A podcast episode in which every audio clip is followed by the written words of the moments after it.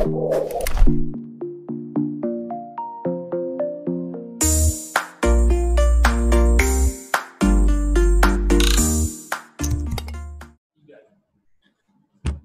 bahagia kerabat desa Indonesia.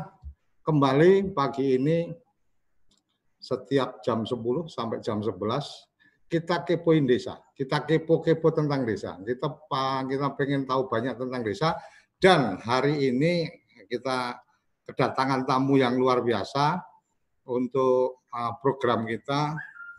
Ini mengang, uh, kita pengen bicara tentang rooftop solar PV sebagai solusi penghematan listrik untuk desa atau mungkin dari gambaran yang ada dari beberapa dialog kemarin kita sudah ketemu satu apa satu jawaban ketika bicara tentang pengharapan untuk data apa eh, desa sebagai pusat sumber data kemudian masuk wilayah digital problemnya ada dua atau kata kuncinya yang harus diselesaikan dua satu adalah energi yang dua adalah akses. Jadi ketika kemudian energinya nggak ada, listriknya nggak ada, kita nggak pernah bisa ngomong digital. Ketika kita ngomong listriknya ada, tapi akses internetnya nggak ada, ya mimpi juga kan gitu. Nah, ini uh, bukan karena berurutan, tapi lebih pada ketersediaan waktu teman-teman saya yang hebat-hebat ini. Alhamdulillah hari ini uh, Mbak Mada ada waktu ketemu dengan kita dan Mbak, Mbak, Mbak Mada ini yang saya kenal banyak membicarakan atau banyak mendiskusikan atau banyak apa menyampaikan tentang energi terbarukan malang melintang di dunia energi walaupun saya kenalnya bukan lulusan energi atau engineer tapi ini luar biasa. Selamat pagi Pak Mada, apa kabar? Sehat-sehat? Pagi Mas Koco, ini terima kasih sekali dari undang di acara TV Desa ya. Uh, ya jadi ya merupakan salah satu kebanggaan juga bisa bicara di acara ini karena hmm, ya sekarang kan dengan melihat program terbaru uh, dari pemerintah kita bahwa desa sekarang diberi uh, otoritas kan dengan uh, untuk mengelola lingkungannya sendiri dengan adanya uh, BUMD desa, BUMDes seperti itu. Jadi saya rasa uh, desa itu sekarang udah jauh bayangannya daripada desa yang kita dulu tahu seolah-olah kayak yang jauh banget. Padahal sekarang tuh desa itu sangat sangat-sangat berkembang. Nah, hmm. Nah, tadi seperti yang Mas Koco cerita apa sampaikan di awal bahwa uh, ya betul memang saya sebetulnya backgroundnya bukan engineer tapi belajar untuk apa ya menjadi pejuang energi ini memang perempuan itu jarang sekali Mas. Jadi uh, sebetulnya kenapa awalnya itu memang aku pengen terjun di uh, bidang ini karena satu dari sisi uh, peminatnya untuk uh, terutama perempuan kita ngomong gender equality itu sangat-sangat sedikit. Jadi uh, setiap kali ketemu di kegiatan-kegiatan yang sifatnya energi rata-rata male domination. Jadi uh, mulai sekarang aku juga pengen ngajak bahwa perempuan itu mampu loh untuk uh, melakukan uh, apa namanya edukasi atau sosialisasi mengenai energi. Dan kembali soal energi untuk desa sendiri yang tadi Mas Koco sampaikan itu benar sekali bahwa walaupun sekarang uh, pemerintah berusaha mendorong supaya desa itu maju dan lain sebagainya, tapi akses untuk energi, informasi itu memang uh, banyak terkendala karena mungkin kondisi geografis juga ya, Mas. Seperti kita tahu hmm. bahwa di Indonesia itu kan kita terdiri dari uh, island kan, banyak sekali hmm. ribuan. Dan itu koneksi untuk ke arah akses ke arah situ memang sangat sulit. contohnya memang saya banyak ber apa ya ber, e, melakukan kegiatan itu di Indonesia Timur terutama di Indonesia hmm. Timur itu yang penduduk itu mungkin satu desa cuma 50 kakak atau mungkin less than that padahal mungkin kalau di Jawa yang namanya desa itu mungkin udah kakaknya mungkin udah ratusan kakak sebetulnya kan udah berkembang. Nah e, kalau kita ngomong daerah Jawa desa itu masih lebih mending dari eh, sisi ngomong akses energinya mas. Tapi untuk yang di daerah yang di luar Jawa itu memang sangat-sangat uh, kondisinya buruk gitu. Jadi memang aku awalnya uh, untuk solar panel ini sebetulnya untuk masuk-masuk ke desa itu sejak tahun 2011 mulainya karena di 2009 awalnya uh, programku sebenarnya waktu itu melistriki uh, desa tapi menggunakan diesel power. Terus aku kayak hmm, bikin okay, okay. ya. Jadi awalnya pakai diesel. Dari awalnya dari diesel terus sekarang tenaga surya. Iya, karena karena uh, pernah mengotori dan sekarang berusaha membersihkannya gitu. nebus desa, nebus desa. betul, sebetulnya itu awalnya. Jadi aku lihat uh, bahwa sebetulnya uh, satu desa itu kan memang karena nggak ada listrik, jadi waktu itu solusi paling cepat memang adalah menggunakan diesel. Tapi kembali hmm. lagi, diesel juga akhirnya kondisinya nggak setiap saat sustain karena apa? Ya satu pada saat pengiriman, akses yang sulit, uh, transportasinya kadang-kadang nggak bisa dapat fuel. Akhirnya mati-mati uh, juga itu equipment gitu kan. Nah, hmm uh, setelah 2000, 2009 main di diesel, aku 2011 aku coba bawa uh, produk saat itu adalah lampu hemat energi menggunakan solar panel dan baterai. Waktu itu tuh lampunya tiga biji uh, dalam bentuk kompak gitu kan, uh, lampu tiga. Oh, yang biji. untuk yang untuk satu masing-masing satu rumah itu ya mbak ya. Betul. Jadi masing satu rumah ada colokan, ada lampu, Betul. jadi pas kebutuhan malam dapat, pas harus ngecas handphone masih dapat gitu ya. Betul. Jadi itu hmm. pertama kali itu program kita dan dijadikan program nasional pada saat zamannya Pak SBY. Jadi untuk Indonesia Timur saat itu diadakan program via PLN. Nah itu pertama kali yang bawa produknya itu aku karena uh, hmm. aku lihat saat itu desa memang uh, sudah mulai tumbuh tapi kemampuan untuk apa ya melistrikinya masih belum ada. Jadi mereka masih pakai yang masih pakai yang model lilin apa kita ngomong mungkin kalau orang Jawa bilangnya apa ya teplok apa ya lampu teplok, teplok minyak uh, tanah ya. Pijar itu minyak tanah betul. Nah. itu kan kotor, bahaya dan lain sebagainya. Jadi saat itu kita memang awalnya di situ dulu. Nah, tapi seiring waktu kemudian setelah listrik lampu mulai nyala, eh, ekspektasi orang desa pun mulai meningkat. Pengen nyalain TV, pengen nyalain yang lain-lain dan itu akhirnya berkembang menjadi sekarang solar panel komunal sebetulnya. Jadi kalau kita di Mas Koco bilang kenapa sih uh, kita bilang bahwa lebih apa hemat secara energi karena satu ya kita tidak menggunakan diesel. Pengiriman diesel ke daerah itu sangat-sangat mahal biaya mobilisasinya.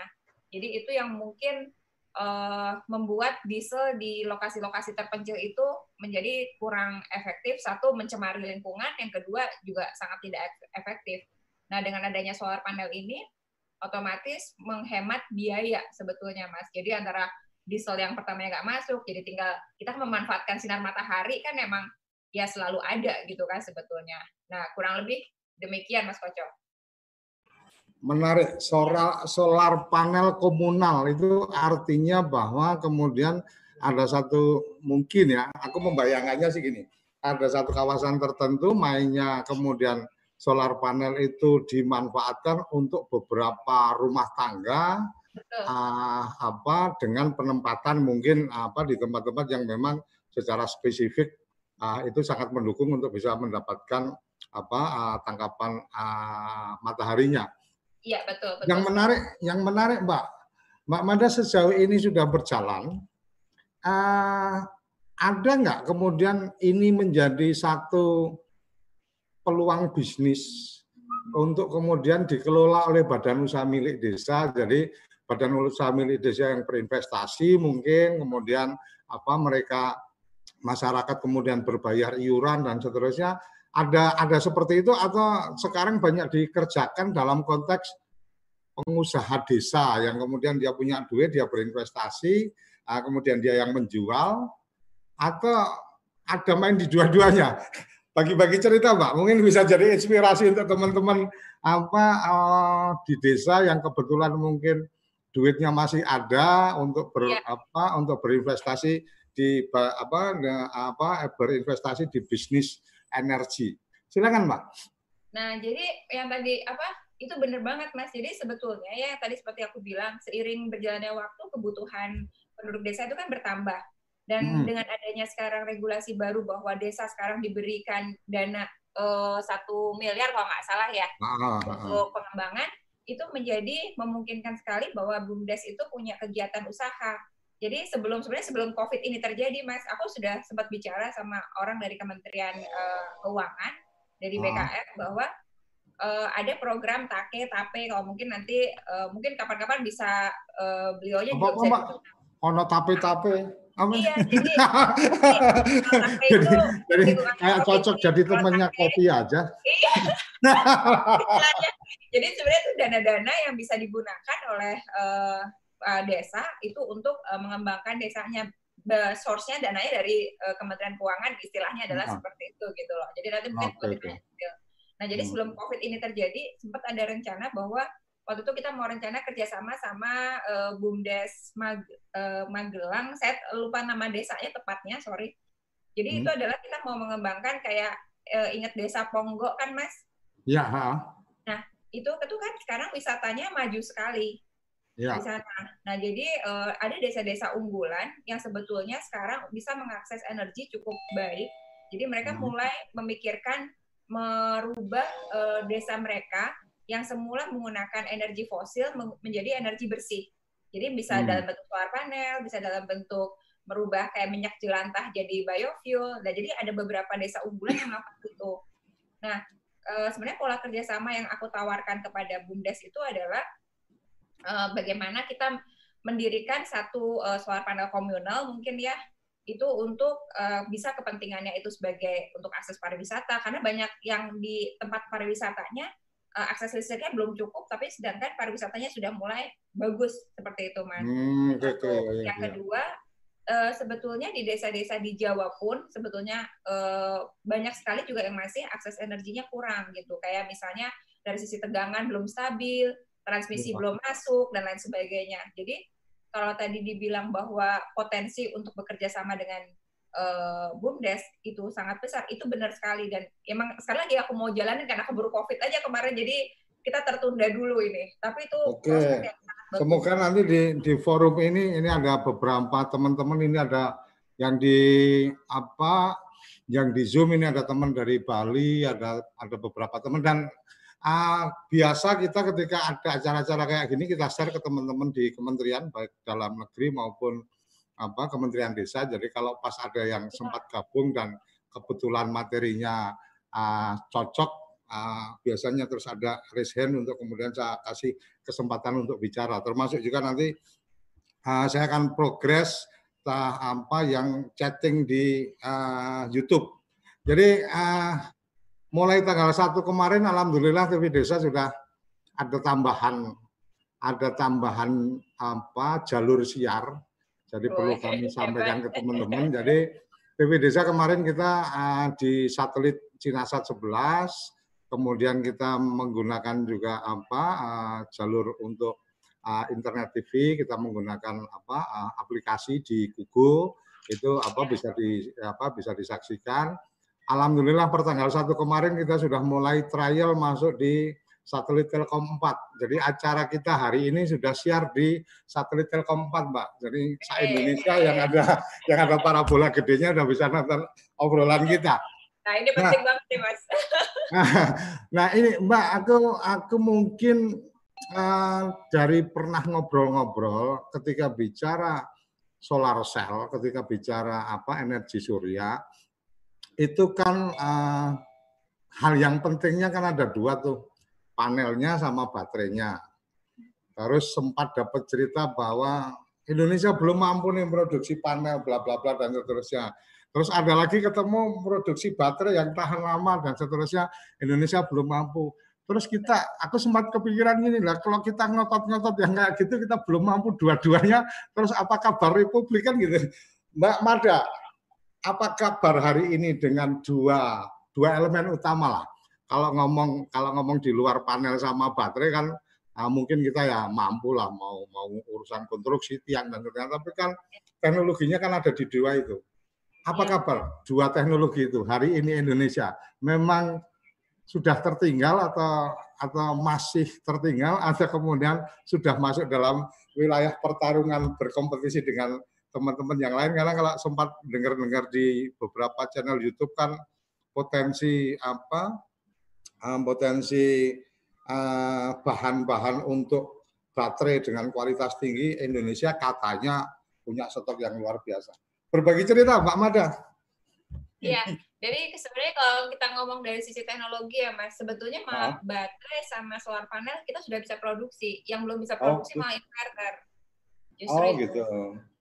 Nah, cuman kita balik lagi kalau ngomong masalah quality ya. Kita kan antara produksi sama kualitas ini kan beda hal gitu kan ceritanya kan. Ya, ya, ya. Nah, jadi uh, kalau kita bilang bahwa mungkin secara kualitas kita sudah cukup baik. Tapi hmm. untuk memenuhi sampai kita bilang uh, worldwide recognized, artinya diakui secara dunia, itu memang masih belum gitu. Jadi Tapi memang proses ke sana tetap jalan dong dengan gerakan-gerakan Mbak Magda dan teman-teman.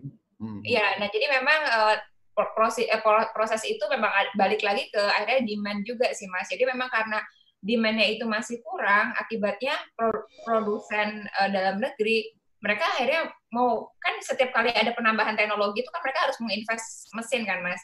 Nah, oh, sedangkan ya ya ya ya, ya paham, paham, Nah, sedangkan kalau misalnya uh, demandnya kurang dari negara kita, jadi gimana mereka mau nambah uh, mesin untuk nambah kapasitas, nambah teknologi dan lain sebagainya.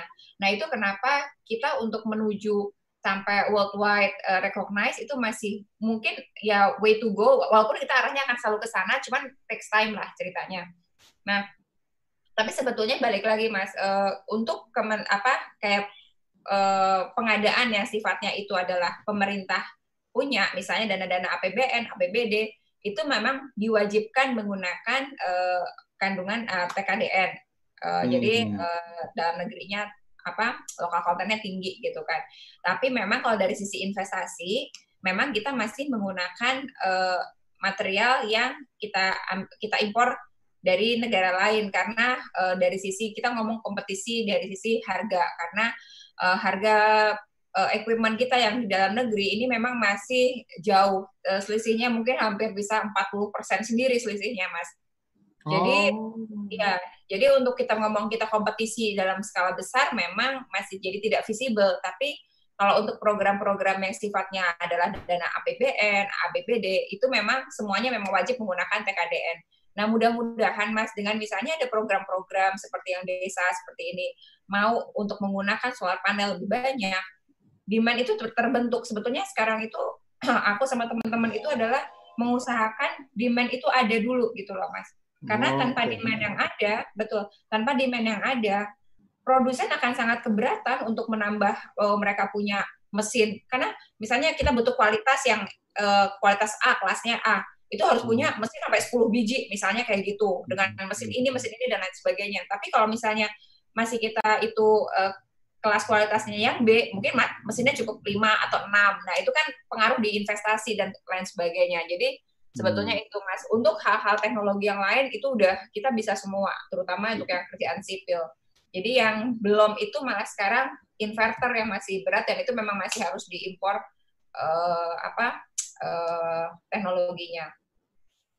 Uh, Mamada, ketika kemudian ada tadi disampaikan uh, panel komunal, kemudian apa C, uh, peluang untuk kemudian ini jadi bisnis bumdes itu sangat mungkin dan seterusnya.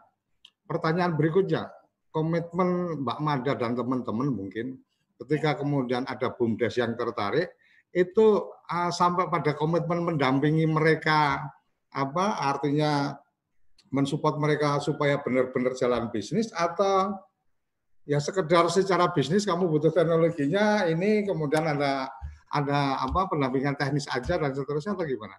Ini ini kan eh. bagian dari dari apa uh, komitmen sinergitasnya kayak apa? Ya. Nah jadi sebetulnya kalau misalnya yang kemarin awal rencananya itu itu sebetulnya yang program yang kita mau jalankan di Bumdes itu uh, tidak terbatas hanya solar panel komunal tapi juga masalah uh, eh, PJU solar panel itu loh mas. Penggantian oh, uh, penerangan jalan umum. Itu bisa juga sebetulnya karena uh, desa juga tetap aja butuh butuh lampu kan lampu jalan gitu seperti itu. Nah jadi sebetulnya yang kita kerjakan adalah membuat satu GV sama bumdes seperti itu. Jadi kita bikin join apa company sebetulnya. Oh. bumdes dengan nanti artinya kemudian ada perusahaan baru di mana uh, di situ uh, Bumdes punya saham, kemudian uh, Mbak Mada dan tim punya saham, sehingga betul. itu jadi bisnis bersama antara betul. Bumdes dengan perusahaan Mbak Mada. Betul. Dan di di sisi kami itu kita menyediakan selain teknologi juga dananya. Jadi sebetulnya Bumdes itu lebih kepada mencarikan marketnya untuk kita gitu loh. Supaya apa? Karena kenapa kita butuh uh, marketnya kan yang lebih tahu kondisi desanya itu kan otomatis tim yang dari ya. bumdesnya kan. Sedangkan ya. kami dari sisi teknologi dan uh, financing kita ya memang udah biasa ini jadi kasarannya ya tinggal boyong boyong satu teknologi uh, beserta nah. pendanaannya kita bekerja sama di uh, satu desa tersebut. Seperti itu sih Mas Koco. Oke, udah dapat gambarannya tentang Mbak Mada luar biasa. Aku aku pertama kali ketemu Mbak Mada ngobrolin tentang apa teknologi energi terbarukan dan seterusnya. Aku bilang eh, ini sangat apa sangat luar biasa menurut aku. Ada ada momen-momen yang aku selalu pengen ngundang Mbak Mada untuk bisa berbagi cerita karena memang hal yang kayak gini menurut aku ya apa ya mungkin banyak yang belum paham bahwa oh ini bisa jadi bisnis yang menarik dan seterusnya. Uh, teman-teman ini nggak apa nggak kerasa kita. Kita uh, memang punya waktu cuma 60 menit sampai jam 11 ya. uh, silakan kalau ada yang apa yang dari peserta partisipan zoom yang ingin apa menyampaikan sesuatu silakan raise hand atau langsung diaktifkan mic-nya karena uh, jumlah pesertanya nggak nggak terlalu banyak. Jadi uh, saya sudah pastikan masing-masing bisa mengaktifkan apa mic-nya. Silakan, Mas Aji, mau ada yang ingin ditambahkan? Monggo. Eh, Assalamualaikum warahmatullahi wabarakatuh. Waalaikumsalam. Selamat pagi Bapak Ibu semuanya. Ma, uh, saya mau nanya Mbak Mahda, Mbak Mahda. Uh, saya menyimak dengan seksama apa yang Mbak Mahda sampaikan itu luar biasa. Saya mau menyampaikan dulu, saya profesional saja Mbak kebetulan uh, saya harus sampaikan background saya, saya banyak uh, berkecimpung di bidang uh, strategic management dan people development. Dan saya di uh, kegiatan itu juga sangat uh, mencintai ataupun cukup dekat dengan aktivitas UMKM dan juga desa. Nah, uh, begini Mbak, straightforward aja, saya mau nanya beberapa hal. Pertama, uh, terkait dengan uh, Mbak tadi bercerita bahwa di zaman kabinet lalu dalam SBY Pak SBY itu Mbak menjadi pairing untuk melistrikan desa dengan uh, resep Mbak tadi gitu ya. Uh, itu berapa desa yang sudah Mbak lakukan gitu ya.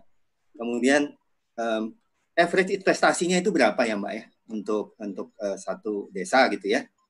Kemudian mungkin Mbak boleh kasih gambaran yang sudah proven di satu atau dua desa yang memang eh, katakanlah itu melibatkan berapa kakak, kemudian satu kakak itu dapat berapa watt listriknya, kemudian involvement eh, ibu mbak sampai di mana, kemudian eh, eh, itu tentu bicaranya ada fund, ada pembiayaan investasi. Investasinya itu siapa gitu mbak? Kira-kira gambarannya itu dulu mbak. Nanti ada ada seri yang menyambung itu lagi. Uh, terima kasih Mas Haji atas pertanyaannya ya. Jadi memang saat itu pas uh, waktu itu memang belum dari sisi investasi. Jadi waktu itu masih proses pengadaan. Jadi uh, yang lokasi kita saat itu uh, listriki adalah di NTT itu di uh, Kabupaten Alor dan Sumba kalau nggak salah saya udah karena itu udah 2011 ya Mas ya. Nah jadi uh, total project saat itu nilainya sekitar 120 miliar eh, funding itu memang kami dari swasta full. Uh, jadi uh, kalau misalnya berapa kakak jumlah kakaknya waktu itu memang PLN yang yang menentukan.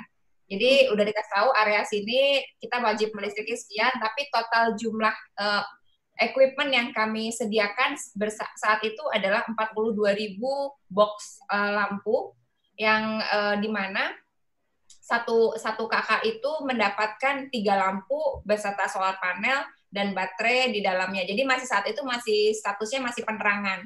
Nah, berubahnya sekarang itu adalah sekarang itu dengan skala yang lebih besar. Nah, untuk e, nilai besarannya memang e, bervariasi, Mas, karena e, kita harus kan harus ada survei, mengukur di lapangan apa aja sih item-item yang mau digunakan, mau diganti atau mau digunakan. Nah, jadi kalau tadi Mas tanya masalah investasi rata-rata berapa, sebetulnya mau berapapun kita juga masih bisa gitu. Jadi ada skala-skala yang uh, kita capai, yang ingin kita capai gitu Mas. Misalnya satu lokasi, satu project mungkin nilainya uh, di atas 5 miliar, ya, semacam itulah. Tapi nanti tinggal aplikasinya apakah dalam bentuk solar panel komunal, ataukah di kita tempatkan di solar rooftop, ataupun juga bisa di penerangan jalan umum yang ada di desa tersebut. Sebetulnya itu, Mas. Nah, Baik. kalau masalah untuk uh, investasi, kebetulan uh, saya didukung oleh beberapa uh, uh, apa ya company yang memang uh, dari internasional. Memang semuanya uh, partner kami uh, dari Jerman, Prancis, uh, Norwegia, dan yang terbaru itu adalah uh, foundation dari Eropa, Mas. Jadi memang uh, saya cukup aktif uh, berkegiatan. Kebetulan saya juga pengurus Kadin Pusat, saya juga pengurus harian di beberapa uh, apa asosiasi energi di Indonesia. Uh, aktif juga di kegiatan uh, apa namanya setiap tahun saya menghadiri conference of party-nya uh, PBB Mas uh, mengenai lingkungan hidup. Nah di situ uh, saya mendapatkan memang banyak fasilitas artinya uh, untuk mengakses dana-dana uh, internasional seperti itu Mas. Boleh nanya lagi Mas eh, Koco ya, Mas, oh, masih nyambung Mas. Ini ini jadi obrolannya Mas Haji sama Mbak Mada juga nggak tahu aku, jadi gitu. Ya benar benar. Aku karena karena kan banyak hal mungkin aku hanya tahu kulit kulitnya aja begitu ngomong dagingnya Mas Haji yang, yang lebih paham cara mengurainya. Silakan Mas Haji. Iya, saya uh, melihatnya menarik Mbak Mada. Saya menarik ya. Tadi ada ada dua ya. Yang pertama bahwa bersyukurlah ada Mamada gitu. Kenapa? Saya katakan gitu Mas Koco karena masih banyak sekali sebenarnya kalau tidak salah ribuan, countingnya tuh ribuan yang uh, desanya belum ada listrik. Iya, ya. Nah, jadi sebenarnya uh, kebutuhan di desa akan listrik itu masih masih perlu perlu kita support gitu loh, masih kita dukung gitu. Kemudian yang kedua, kenapa tadi saya nanya investasi? Karena kaitannya adalah uh, Mbak Mada sangat openly mengatakan bahwa investasi nggak ada masalah karena Mbak punya network yang mungkin kaitannya ada CSR mungkin ya dana CSR yang memang perusahaan-perusahaan mungkin juga bisa lakukan gitu kan. Nah, apa foundation asing juga.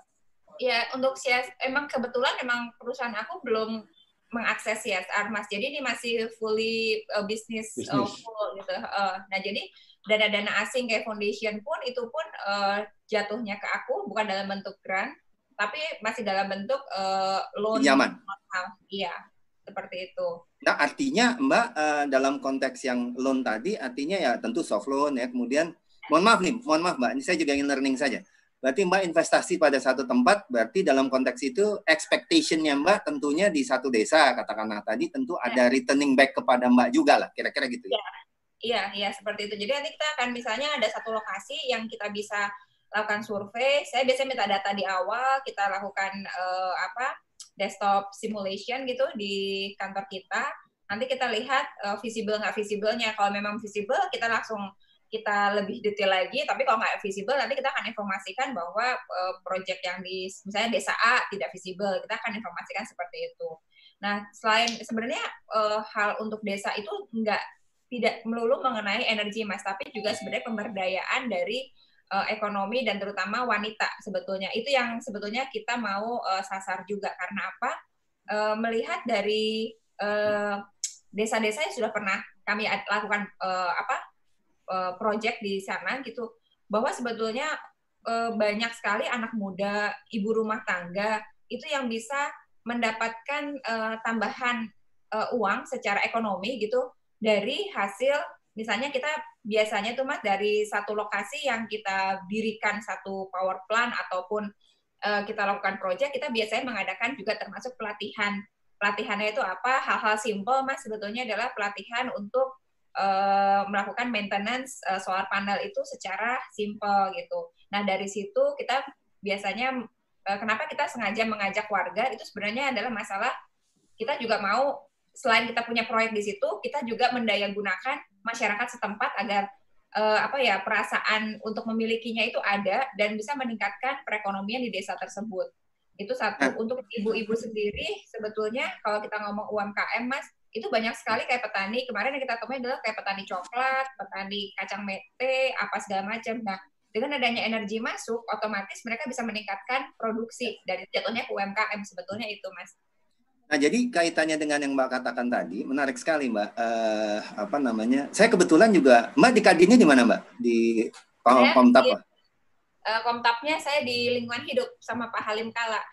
Oh, saya di ini Mbak, di uh, Desa Tertinggal dan Perbatasan. Oh, itu WKU-nya siapa ya? Ini luar biasa uh, nih di, di Desa mempertemukan teman-teman Kadin yang sama-sama Kadin ketemunya malah di Kepoin Desa. Ya. lanjut lanjut. Terima kasih Mas Koco berarti ini. iya, terima kasih. Enggak, artinya artinya bagus gitu loh Mbak, karena terus saja kalau misalnya kita bisa berkolaborasi untuk katakanlah saling mengisi kenapa tidak gitu ya. Dan tentu uh, ini potensi yang sangat baik dan teman-teman yang ada di audiens ini kan juga pasti juga ada yang uh, nanti tentu akan sharing juga uh, gini Mbak, saya saya terkesan begini. Uh, tadi Mbak bicara mengenai masalah at the same time Ibu ketemu ibu-ibu, kemudian bisa meningkatkan ekonomi gitu ya. Uh, kemudian uh, how to use the panel, how to maintain those things gitu kan perlu activity yeah. gitu ya. Yeah. Part itu mungkin kita bisa berkolaborasi juga karena saya di strategic management dan people development. Jadi mungkin yang technical mungkin ada satu session, ada satu modul uh, pengajaran pendampingan lah ya uh, apa training gitu ya buat mereka. Yang technical part is yours. Nanti yang menyangkut masalah people-nya adalah soft skill-nya dari sisi saya gitu misalnya gitu. Iya, iya, betul. Sehingga semua di, diuntungkan gitu. Ekonomi bergerak, ya kan produksi akan meningkat, di backup oleh uh, adanya energi gitu ya. Saya pikir cukup cantik sekali itu, Mbak.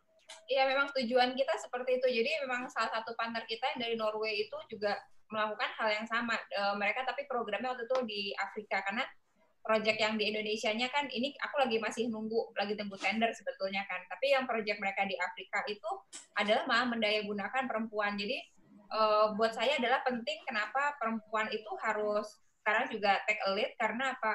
Uh, perempuan itu sebenarnya kan awal edukasi kan Mas. Jadi di rumah ya. rumah tangga itu sebenarnya perempuan yang lebih mengontrol Iya, iya. Nggak, tapi, perempuan, perempuan selalu komandannya jadi perempuan ini bahaya Mas Haji. Iya. nah, jadi karena apa? Karena kalau kita lihat apalagi bukan di kayak seperti di desa-desa itu ya Mas, e, perempuan itu kan diasosiasikan bahwa hanya mengurus anak, tapi sebetulnya mereka itu bisa mengajarkan ke keluarganya dari awal, misalnya mulai dari hal memilah sampah. Nah, sampah itu nanti akan bisa digunakan untuk yang sampah basah untuk keperluan kompos, sampah kering untuk di apa uh, untuk diolah kembali. Nah, termasuk juga mungkin menyuruh anaknya untuk lebih uh, care terhadap lingkungan atau mengikuti program-program uh, dari kami gitu. Jadi memang pertama yang akan diajari kasarannya itu malah pertamanya ibu-ibunya dulu gitu loh. Iya. Nah, nanti baru lihat pemudanya yang uh, ada di sana untuk yang hal-hal simpel sebetulnya cuma kayak untuk maintenance jadi untuk merawat kayak misalnya ya, aku, aku pernah lihat yang di video yang ini ya apa India itu ya mbak ya? Perempuan-perempuan di sana di apa jadi jadi punya keterampilan menangani iya. lampu-lampu dan seterusnya malah iya, justru iya. perempuan ibu-ibu itu ya? Iya, iya malah justru itu gitu loh. Karena mungkin nah, bapaknya dia lebih kayak apa jadi nelayan, jadi apa gitu-gitu loh. Jadi memang yang lebih stay di rumah kan ibu dan ibu biasanya kan mendidik anak-anaknya duluan itu. Jadi kita uh, dorongnya dari sisi perempuannya seperti itu pemberdayaannya. Nah, jadi uh, perempuan ini. Menarik.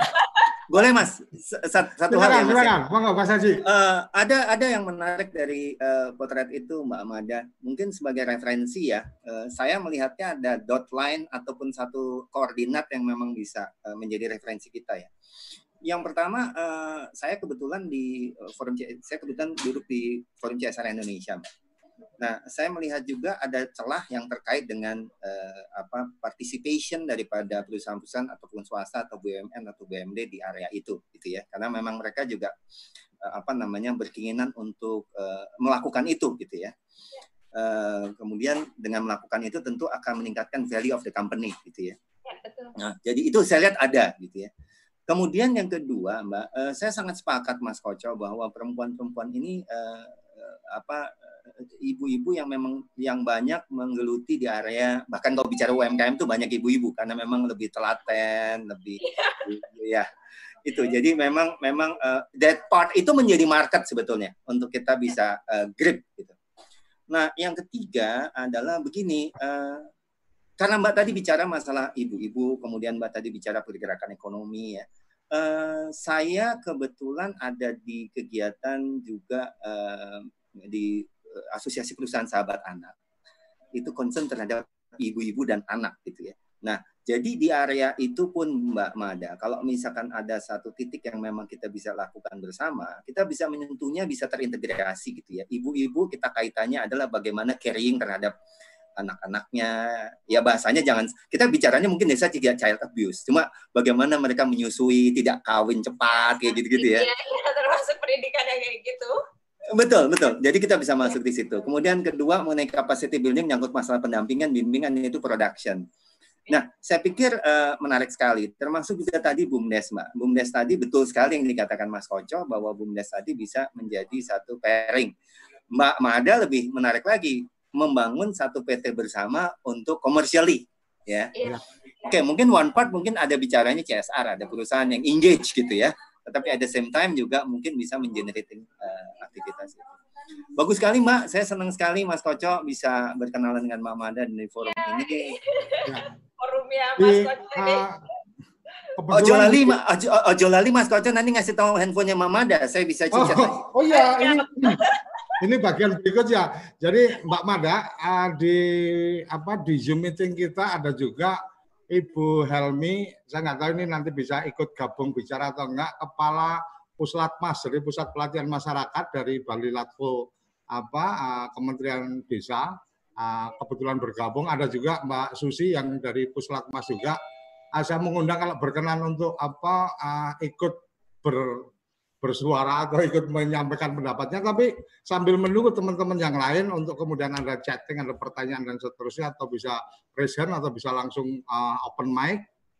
Uh, Mbak Mada, mungkin uh, Mbak Mada bisa sampaikan ke apa ke forum ini uh, alamat website yang mungkin bisa dikunjungi atau mungkin kontak yang bisa dihubungi ketika teman-teman apa tertarik untuk apa mendiskusikan atau bertanya-bertanya lebih lanjut supaya nanti dari tim redaksi kami juga bisa memberikan title di apa di apa di lowernya pas Mbak Mada bicara. Silakan Mbak Mada. Lebih pada bagian mana yang boleh di share ke publik silakan di share mungkin alamat website, alamat email atau mungkin ada apa hot kontak yang mungkin bisa dihubungi hanya lewat WA dan seterusnya. Apa nggak silakan. Nah, jadi memang untuk makasih Mas Koco. Jadi uh, untuk ya. apa? Uh, ini memang bisa kontak ke tim kita. Nanti di sini ya. kebetulan ada staff saya juga, uh, Denny yang kebetulan ikut. Nah, ini coba Denny nanti tolong disampaikan. Website memang masih yang sederhana, Mas, karena uh, company kita memang sempat kemarin idle karena ada apa namanya ada pergantian uh, apa shareholder. Nah, jadi nanti uh, untuk website masih dalam proses. Uh, untuk kontak kita bisa kontak langsung ke saya via WA. Nanti Mas Aji hmm. gimana mau kasih WA-nya langsung WA aku aja itu Mas. Nah, nanti langsung aja boleh, boleh. Boleh Mama Daya nggak keberatan ya? siap siap boleh share aja mas WA aku boleh terus untuk okay. uh, eh, email juga nanti bisa email ke tim kami uh, di sini ya aku gimana ya ini cara manggil tim aku nih ya ada yang namanya Dewi Suratama ini standby bu Oh, nah, Mas Denny. Mas Helmi ada tuh, Mas Denny ada. Bisa, nah, bisa nanti videonya juga boleh. Apa ya, untuk kontak oh. kamu ya, Den. Ya, siap, siap, Bu. Mas Denny boleh boleh berbagi apa as, kalau ada mau kontak dan seterusnya silakan sampaikan. Boleh, boleh. Siap, siap, siap. Nah, silakan. Kasih oh, sekarang Pak ya? ya. Saya chat ya mungkin. Dimasukin di chat di aja. boleh atau kalau aja. mau tampil tampil videonya juga boleh jadi kelihatan.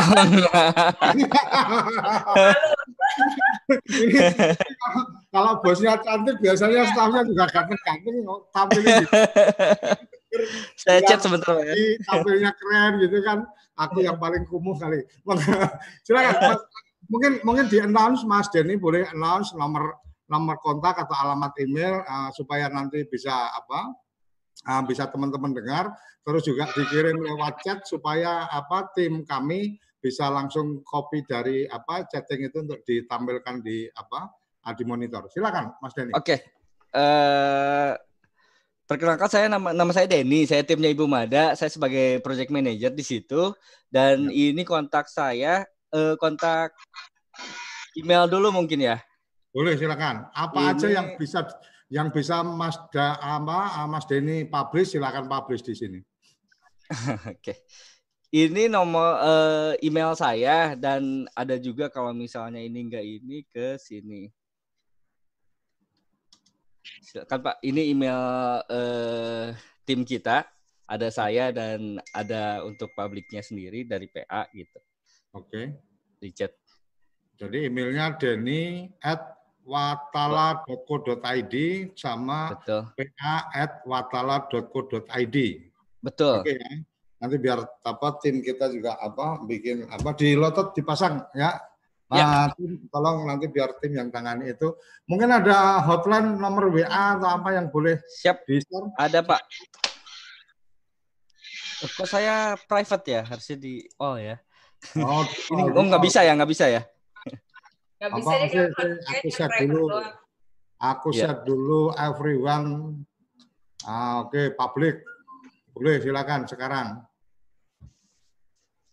Oh, sudah Pak. Dikirim ulang, dikirim ulang. Oh, Oke, siap Pak. Publik sekarang udah aku set. Oke, terus monggo sambil sambil chat Mas Denny apa uh, share ke semua teman-teman jadi bisa langsung apa kontak. Ada yang sudah open mic Ratna Andriani. Ada yang ingin disampaikan Mbak Ratna? Uh, baik, uh, terima kasih Bapak. Saya yeah. menyimak apa yang disampaikan oleh Ibu Mada Ayu. Uh, Halo. Apa namanya? Boleh nggak kalau kamera apa handphonenya gini posisinya, biar tampilannya di TV oke. Okay. Iya, okay. maka lanjut. Ya baik Pak, uh, saya menyimak apa yang disampaikan oleh Ibu Mada Ayu. Uh, kebetulan saya dari uh, Direktorat Peningkatan Kapasitas Aparatur Desa dari Kementerian Dalam Negeri. Okay. Saya tertarik uh, apa yang disampaikan. Uh, yang ingin saya tanyakan, Ibu kan kemarin sudah ada uh, proyek ya di NTT. Nah, uh, apa namanya bentuk kerjasama apa uh, yang Ibu lakukan uh, dengan BUMDes? Ini uh, saya tadi mungkin saya agak terlambat uh, join, jadi saya ingin tahu gitu uh, keterlibatan dengan BUMDes itu dengan apa yang uh, disampaikan Bu Ayu, proyeknya Bu Ayu itu uh, seperti apa? Terima kasih. Matur ya, ini dari Kementerian Dalam Negeri Mbak Mada. Jadi semoga uh, Kepoin Desa ini bisa jadi forum ketemunya apa uh, shareholder lah masing-masing yang yeah. untuk desa kan yeah, gitu. Betul. Jadi kalau kalau stakeholder kayaknya nah, udah masa lalu sekarang shareholder siapa yang bisa yeah. berpartisipasi kan gitu. Oke, Mbak Manda silakan diberikan respon. Kita sambil nunggu juga dari teman-teman Kementerian Desa karena kita juga undang teman-teman dari Kemendes. Silakan. Ya. Uh, terima kasih Bu Ratna atas pertanyaannya. Jadi oh, saat itu tahun 2011 memang belum belum langsung dengan uh, BUMDes karena saat itu oh. uh, kita masih bekerja samanya dengan PLN. Jadi PLN yang uh, direct ke BUMDesnya saat itu ya. Nah, e, memang program ini adalah program baru, Bu, sebetulnya yang kita mulai e, inisiasi dari akhir tahun lalu, di mana e, kebetulan perusahaan kami terpilih menjadi salah satu e, e, company accelerator di Indonesia. Jadi ada enam perusahaan di Indonesia yang dipilih e, menggunakan e, dana dari California Fund. Mungkin Ibu pernah dengar kayak Tesla, Facebook, Google, jadi mereka punya dana-dana yang e, fokus untuk di uh, renewable energy. Nah, kami perusahaan kami termasuk enam uh, perusahaan yang terpilih di Indonesia menjadi program akselerator. Nah, jadi uh, kerjasama dengan BUMDes ini memang baru memang diinisiasi di akhir tahun kemarin, Bu, dan ini ter, tertutup dengan kondisinya COVID ini dan nanti mungkin setelah kita melakukan the new norm of uh, COVID new, ini, new ya, normal. kita new normal ini Artinya, artinya Mbak Mada harus siap-siap untuk menyambut new normal desa itu kayak apa? Betul. Bagaimana energi terbarukan? Iya, jadi ini memang harus ada uh, adjustment karena uh, kemarin ada beberapa proposal yang kita sudah sampaikan memang masih belum mendapat uh, follow up kembali gitu ya, karena ya diakibatkan banyak yang WFH dan lain sebagainya. Jadi kalau nanti Bu Ratna memang ini uh, kita sudah mulai normal lagi, kembali masuk kantor lagi dan lain sebagainya, uh, memang program yang kami tawarkan itu adalah kerjasama secara komersial dengan BUMDes. Tujuannya adalah apa? Mendaya gunakan uh, BUMDes itu sendiri sebetulnya untuk mendapatkan additional income. Uh, jadi kan setahu saya nih Bu, koreksi kalau saya salah, uh, BUMDes, uh, desa itu kan dikasih dana. Dana itu juga tidak semuanya untuk spending kan, tapi mereka juga ada dana-dana untuk investasi. Nah, untuk pengembangan desa sendiri kalau misalnya seperti ada kami investor yang masuk otomatis kan bisa membantu desa untuk mendapatkan pendapat pen, penghasilan tambahan melalui uh, uh, kegiatan yang kita kita kerjakan bersama. Jadi sebenarnya pola kerjasamanya adalah memang uh, investasi full dari kami, uh, teknologi juga kami yang uh, sediakan, cuman untuk masalah uh, dari sisi market dan uh, apa namanya uh, ketersediaan lahan yang ada di desa itu memang disediakan dari BUMDes itu sendiri. Begitu Bu Ratna. Oh iya baik. Oke, okay, uh, baik. Udah udah cukup Bu apa Mbak Ratna atau ada yang ingin ditambahkan? Uh, saya rasa cukup. Uh, saya pikir uh, ini awalnya tuh sudah sudah ada apa namanya keterlibatannya dalam bentuk apa begitu bumdes. Tapi ternyata ini karena ini ya Mbak ya terkait apa pandemi corona ini, jadi memang belum uh, ada kerjasama yang real gitu dengan bumdes ya. Ya terima kasih. Kemarin rencananya, iya kita rencananya mau ada MOU dengan salah satu desa di Magelang itu ya terhambat karena ya kemarin tiba-tiba terus ada pandemi ini kan jadi oh, belum bisa sempat pergi, belum sempat ngapa-ngapain, udah terlanjur hmm. nggak bisa ke mana-mana. Karena kan jadi lebih cepat untuk merealisasi lebih apa lebih lancar untuk ketemu bumdes karena uh, ketemu teman-teman dari Kementerian Dalam Negeri dan Kementerian Desa kan gitu Mbak Manda. Iya benar. ada ada Bu Helmi, saya ingin menyapa Bu Helmi ke apa kepala uh, Kapus Lakmas kalau berkenan menyampaikan sesuatu Ibu ini kayaknya jadi momen momen perempuan ini pagi ini. Ada yang ingin ingin disampaikan uh, menyapa Mbak Mada teman-teman saya yang cantik ini sama-sama cantik kalau apa berkomunikasi ngobrol-ngobrol buat desa kayaknya lebih lebih asik. Silakan Belmi. Uh, Baik, uh, Pak Koco, terima kasih banyak ya atas kesempatannya. Bapak Ibu sekalian, Assalamualaikum warahmatullahi wabarakatuh. Selamat pagi menjelang siang ya. Ada Bu Mada Ayu. Pak Mada Ayu ya. Promosinya Pak Koco memang luar biasa. Orang entertainer itu ya begitu. Jadi uh, apa namanya akhirnya kan saya memutuskan ini ada Bitcoin juga kebetulan ini tapi saya akhirnya memilih di sini ada kata-kata tadi yang sangat menarik dari Mbak uh, Mbak Mada atau sama Pak uh, Pak Aji ya. Uh, bahwasanya ibu rumah tangga itu memang uh, tiangnya negara loh ya. Karena kalau uh, manajemen ke keluarga keluarga itu ya Mbak Mada ya seberapa besar pun yang dikasih kita oleh suami-suami pasti bisa manage. Mana? Jadi bapak-bapak semua yang ada di sini percayakan deh manajemennya kepada istri-istri di rumah. Karena ya.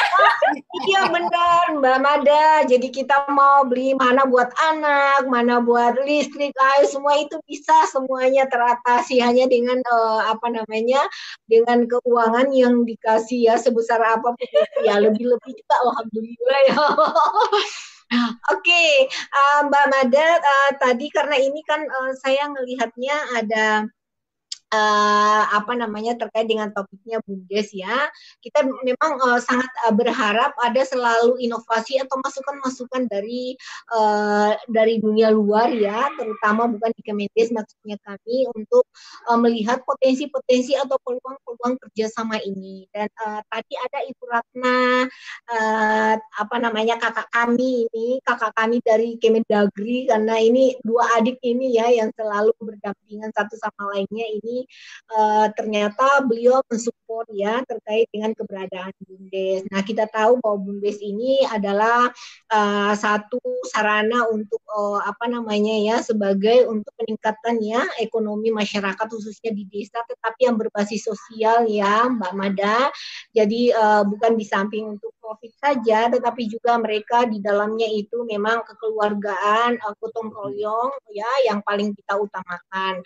Namun demikian karena memang di dalamnya itu ada ada uh, apa namanya nilai-nilai ekonomi, maka kemudian kita harus bersama-sama bergandengan tangan untuk uh, mensupport atau melaksanakan ataupun menjalankan daripada uh, apa namanya bumdes ini badan usaha milik desa ini. Nah kalau misalnya seperti Mbak Mada yang sudah uh, kreativitasnya sampai uh, level internasional ya, uh, kemudian uh, ada keinginan untuk uh, mencoba menginisiasi atau bergabung bersama kami kami di badan usaha milik desa ini, aduh kami mah apresiasi banget Mbak, terima kasih banget ya Ya, Mbak Mada, saya juga uh, di sini ada kabit saya, Ibu Susi ya uh, beliau mungkin uh, bisa juga bersilaturahim dengan uh, apa namanya dengan Mbak Mada ya untuk kami mendapatkan uh, nomor telepon kontak person Mbak Mada untuk kita tindak lanjuti nanti ke depan karena kebetulan di pusat pelatihan masyarakat kamilah yang mengawali untuk uh, penyusunan bahan-bahan ajar Mbak modul-modul atau apa sebelum diterapkan kepada masyarakat umum di luar sana khususnya di masyarakat desa. Jadi uh, melalui melalui proses misalnya TNA gitu ya, kebutuhan berbasis masyarakat seperti apa, itu betul-betul kita yang uh, menganalisis, kemudian kita bersama-sama menyusun dan kemudian uh, uji coba ya, kita uji cobakan sebelum kita terapkan uh, atau implementasikan di masyarakat. Nah, ini juga kita sudah melewati kerjasama dengan Pak Kojo nih uh, beliau uh, TV Desa ini benar-benar mensupport. Uh, kita juga mempunyai uh, Akademi Desa 4.0 Mbak Mada di, di mana di dalamnya itu kan uh, tadinya sebagai sustainable pembelajaran uh, yang akan berbasis online. Tetapi dengan adanya penambahan pengembangan, maka kemudian sekarang ini juga kita melakukan sosialisasi terkait dengan eh, kebijakan-kebijakan apa yang ada di Kemendesa, kegiatan-kegiatan apa yang ada di Kemendesa itu bisa uh, diberitakan lewat uh, kuliah online kita. Jadi kita mempunyai uh, apa namanya pengembangan dari Akademi Desa selain uh, web website juga ada uh, YouTube ya Akademi Desa uh, Provinsi kuliah online Mbak. Nah mungkin ini Pak Koco kita mungkin harus juga mengundang ya Mbak Mada nih hadir ya sebagai narsum kita nih mungkin ada uh, tetapi Mbak Mada harus ada uh, ini dulu ya mungkin uh, internal kita berbicara dulu terkait dengan ide-ide apa nih yang sudah ada di bayangan Mbak Mada nih terkait dengan pengembangan bumdes seperti apa ya uh, yang bisa kita kerjasamakan. Terus kemudian habis itu kalau memang sudah uh, klop uh, kita akan insya Allah kita akan hadirkan di uh, kuliah online di bisa. Yeah. Nah itu mungkin uh, apa namanya Pak Koco saya uh, sedikit uh, memberikan masukan-masukan uh, kebersamaan kita di sini dan ada mungkin bisa uh, dari uh, Mbak Susi uh, bisa menambahkan kalau mana ada teman-teman ya yang ingin bertanya sampai sejauh mana uh, Kemendesa mengawal terkait dengan uh, ini. Dari saya itu Pak Koco, Mbak Mada, sukses selalu ya. Saya uh, apa namanya ada dua jadi saluran jadi saya harus membagi. Oke lanjut Pak Koco terima kasih dari saya. Terima kasih Bu Helmi Mbak Mada itu tadi Bu, El, Bu Helmi adalah kepala Puslatmas di apa uh, Bali Latvonya Kementerian Desa. Jadi kebetulan kita juga ada apa ada agenda uh, TV Desa men, apa, menjadi mitra untuk mengembangkan program tayangan Akademi Desa. Jadi Akademi Desa salah satu kontennya adalah tentang apa eh, pembelajaran-pembelajaran online yang kemudian kita apa kita sinergikan dengan TV Desa adalah program kuliah online reguler tiap hari Jumat jam 4 sampai jam 5 dan ini kayaknya atas izin dari Bu Helmi eh, informasi ke saya hari Jumat besok sedang diusahakan akan jadi akan apa kuliah online spesial karena akan ada kuliah umum langsung dari Pak Menteri tentang apa new normal desa. Nah, iya, ketemu-ketemu kita di sini di Kepoin Desa saya berharap apa sinerginya bisa berjalan dengan baik untuk kemudian saling apa saling menguatkan dengan semangat TV Desa Perkat Jati Diri Bangsa uh, apa labelingnya tapi semangat yang kita bawa adalah bagaimana kita bersama-sama memuliakan desa. Tahun ini adalah tanggal 16 besok ulang tahun TV Desa yang ke-6. Insya Allah mungkin akan ada sesuatu yang kita mau bikin dengan banyak orang-orang hebat yang mau apa peduli dengan desa mungkin akan ada sesuatu yang akan kita coba bikin kita lihat masih ada waktu dua minggu untuk apa mendapat dukungan dari Mas Aji dari yang lain. Jadi saya pikir momentum itu kan coba kita uh, apa kita agendakan. Mbak Mada, nggak terasa kalau sudah asik ngobrol-ngobrol satu jam itu rasanya baru lima menit kan gitu. Iya. Jadi tadi kita mulai pukul 10 ini ternyata di apa di monitor saya sudah 10.56 jadi sisa sisa empat menit uh, ada yang ada yang apa ada yang ingin menyampaikan tambahan uh, sesuatu atau uh, uh, kita berikan Mbak Mada untuk memberikan apa uh, tambahan-tambahan informasi. Uh, Mas Mas Pur, ada yang ingin disampaikan kayaknya tangannya gini-gini hanya karena ada sesuatu atau atau memang ini karena karena kadang-kadang uh, saya takut ini takut membaca apa takut salah membaca takut salah membaca ini takut salah membaca pesan kan gitu karena satu saat jadi pernah satu saat mungkin sedikit cerita pernah satu saat saya itu diajarin kalau bertamu maka ketika minum minuman dicari itu habis, berarti yang menghabiskan minuman itu udah ngajak untuk pulang kan gitu. Nah ternyata saya ngajak teman yang kehausan, jadi ngobrol lagi asik minuman dia dicangkir habis. Saya pikir dia ngajak pulang. Pas saya pulang ternyata enggak, aku aku nggak ngajak pulang karena memang haus aja tak habisin. Nah ini tadi Mas Pur apa angkat-angkat tangan silakan Mas Pur. Masya Allah, ketangkap kamera toh ini tadi. Padahal ada tamu tadi. Iya. Jadi, ada yang ingin disampaikan Mas Pur. Matur nuwun, Mbak Mada ketemu lagi kita. Ya, ketemu Mas Pur. Jadi, uh, tadi saya menyimak sekali dari awal uh, Mas Koco, Mbak Mada, Mas Aji juga tadi, Mas Denny juga, dan ada uh, ibu-ibu key person dari kementerian tadi. Mbak Mada menarik sekali ngomong-ngomong ini menuju kepada uh, apa ya? Tadi kalau Mas Koco bilang new era desa betul ya? ya. uh, dan menuju kepada stages ya stages yang berikutnya dari memberdayakan masyarakat desa ya supaya memiliki akses yang lebih luas ke dunia yang lebih luas juga ya Mbak Mada ya betul ya Mbak ya. Nah sa saya sebenarnya melihat begini uh, mudah-mudahan suatu saat kita bisa berkolaborasi jadi uh, se makin majunya uh, teknologi, semakin majunya society, itu seyogianya dibarengi dengan mentalitas uh, kesiapan uh, diri yang juga lebih tinggi harusnya atau lebih bagus gitu ya.